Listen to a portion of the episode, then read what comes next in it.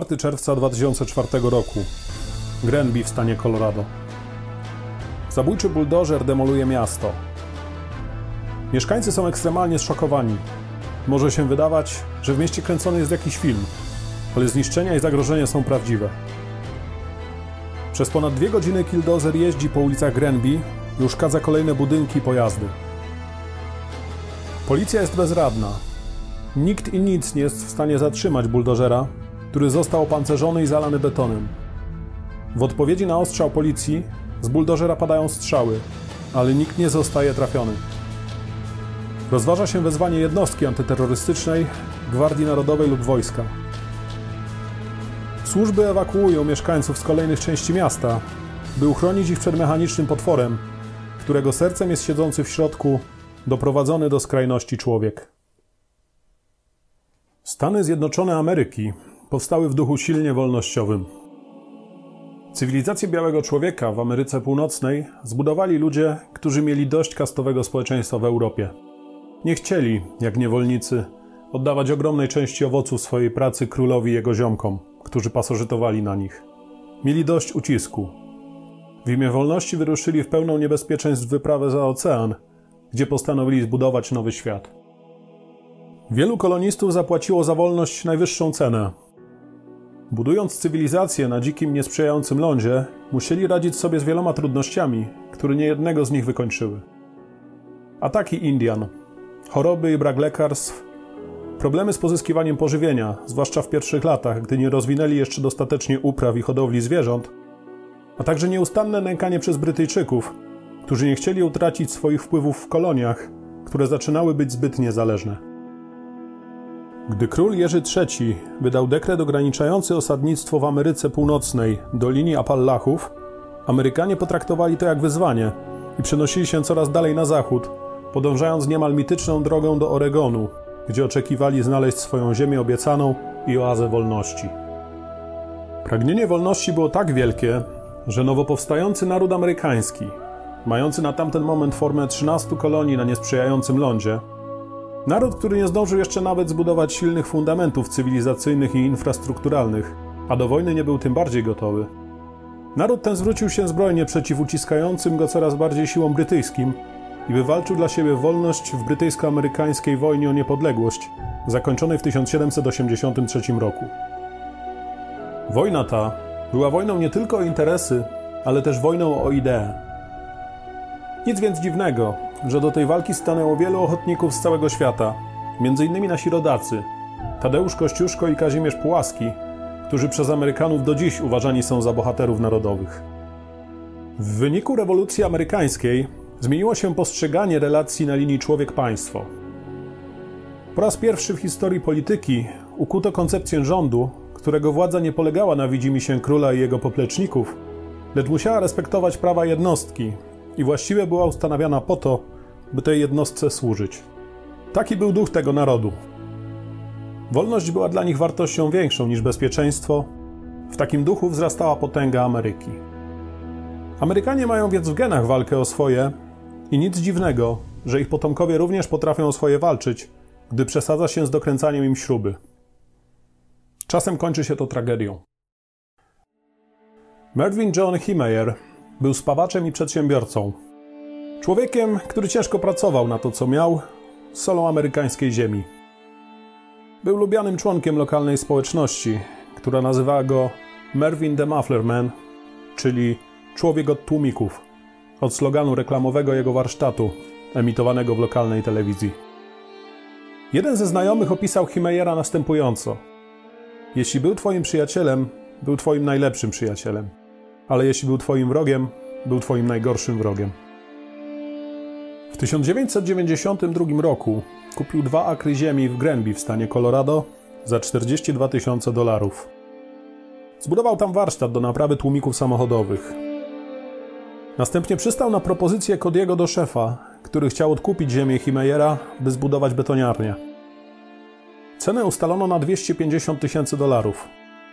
Według Susan do szef, Himeyer miał następnie zmienić zdanie i zażądać 375 tysięcy, a później wywindować cenę do okrągłego miliona dolarów.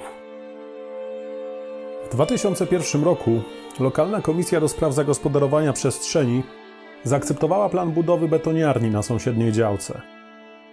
Himeyer protestował decyzję lokalnych władz, które wydały zgodę pomimo, iż budowla blokowała jedyny dojazd do jego warsztatu. Konflikt z administracją rozszerzał się i stał się głośną sprawą lokalną. Włodarze miejscy krytykowali postawę Himeyera w lokalnych mediach, a on sam został ukarany grzywnami za m.in. brak podłączenia do sieci kanalizacyjnej i niedozwolony zrzut ścieków.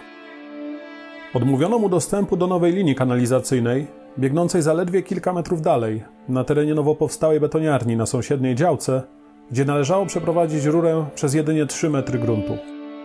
Przełykając kolejne porażki, Himeyer zawnioskował o wybudowanie nowej drogi dojazdowej do swojej posesji, jednak w tej sprawie również przegrał. Lokalna administracja odrzuciła jego wniosek. Ostatecznie, nie mając innego wyjścia, postanowił wybudować drogę na własny koszt. W tym celu zakupił buldożer Komatsu D335A i złożył wniosek o pozwolenie na budowę drogi. Wniosek ten został jednak również odrzucony. Pozbawiony możliwości funkcjonowania na własnej ziemi i jakichkolwiek perspektyw na konstruktywne rozwiązanie na drodze prawnej, Himeyer postanowił zlikwidować warsztat i sprzedać nieruchomość firmie wywożącej śmieci. Umowa zakładała, że The Muffler Man miał wynieść się ze swojej działki w ciągu 6 miesięcy. Merwin postanowił wykorzystać ten czas, by urzeczywistnić plan zemsty, który zrodził się w jego głowie. Całymi dniami i nocami pracował nad przebudową swojego buldożera, którego kabinę, silnik i część gąsienic pokrył dwiema warstwami stali, między które wlał beton. Tak wykonany pancerz kompozytowy miał w niektórych miejscach nawet 30 cm grubości.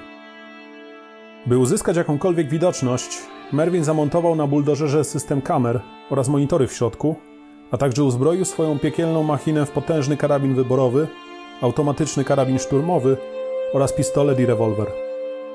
W kabinie zainstalował też system wentylacyjno-klimatyzacyjny i zadbał nawet o takie szczegóły, jak specjalne dysze ze sprężonym powietrzem, które miało zdmuchiwać z obiektywów jego kamer powstający w czasie demolki pył.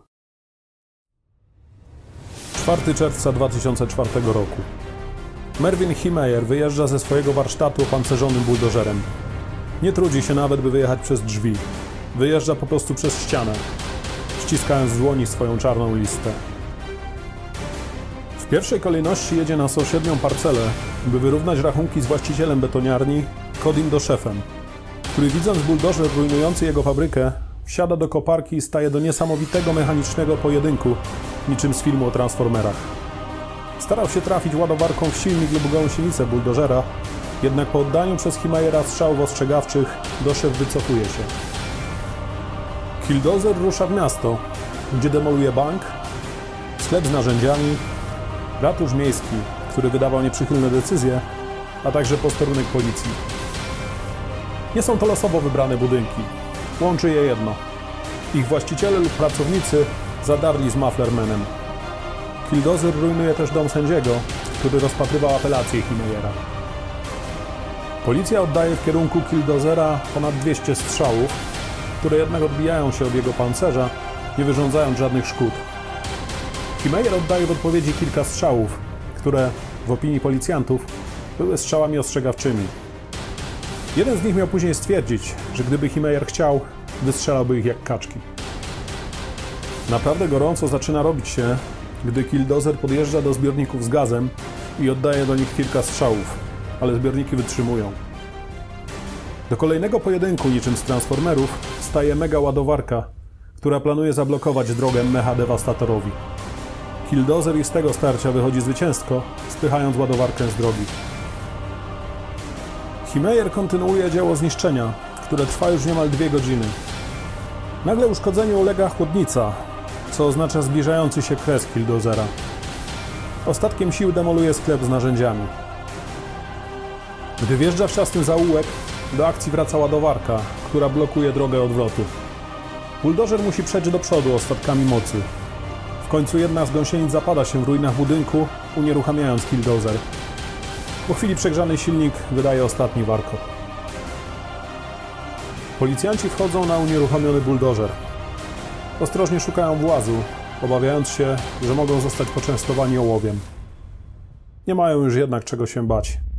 Himeyer nie żyje. Zastrzelił się, gdy buldożer utknął. Został jedyną ofiarą śmiertelną swojego niszczycielskiego szału. Niszczycielski szał Merwina Himajera trwał 2 godziny i 7 minut, w czasie których zniszczył lub uszkodził 13 budynków, wiele samochodów i elementów infrastruktury. Straty oszacowano na 7 milionów dolarów. Dopiero o drugiej w nocy służby zdołały dostać się do środka. Z charakteru konstrukcji ważącego 900 kg włazu można wywnioskować, że Himeyer nie miałby możliwości samodzielnego opuszczenia buldożera. Od początku planował odebrać sobie życie. Merwin Himeyer nie zabrał niczyjego życia poza własnym. Jego obrońcy uważają to za koronny argument w ocenie jego działań. W Ameryce stał się symbolem walki z opresyjnym systemem i przez wielu Amerykanów jest on uważany za bohatera. Czy Merwin Himeyer był jednym z ostatnich amerykańskich bojowników o wolność, człowiekiem, który nie dał się zdeptać systemowi? Czy może nie był już w pełni władz umysłowych, psychicznie wykończony długotrwałą walką o dorobek całego swojego życia i możliwość normalnego funkcjonowania? A może był po prostu psychopatą, który niezadowolony z niekorzystnego dla siebie obrotu spraw, postanowił zrównać z ziemią całą okolicę w myśl zasady mnie się nie powiodło, to i wam się nie powiedzie. Odpowiedzi na te pytania pozostawiam waszej refleksji. Zapraszam też do dyskusji, gdyż trudno o jedną całkowicie słuszną ocenę tej sprawy. Merwin Himeyer miał ponoć stwierdzić: Zawsze byłem skłonny być rozsądnym człowiekiem, dopóki nie musiałem stać się nierozsądnym. Rozsądny człowiek jest bowiem czasami zmuszony, by zrobić nierozsądną rzecz.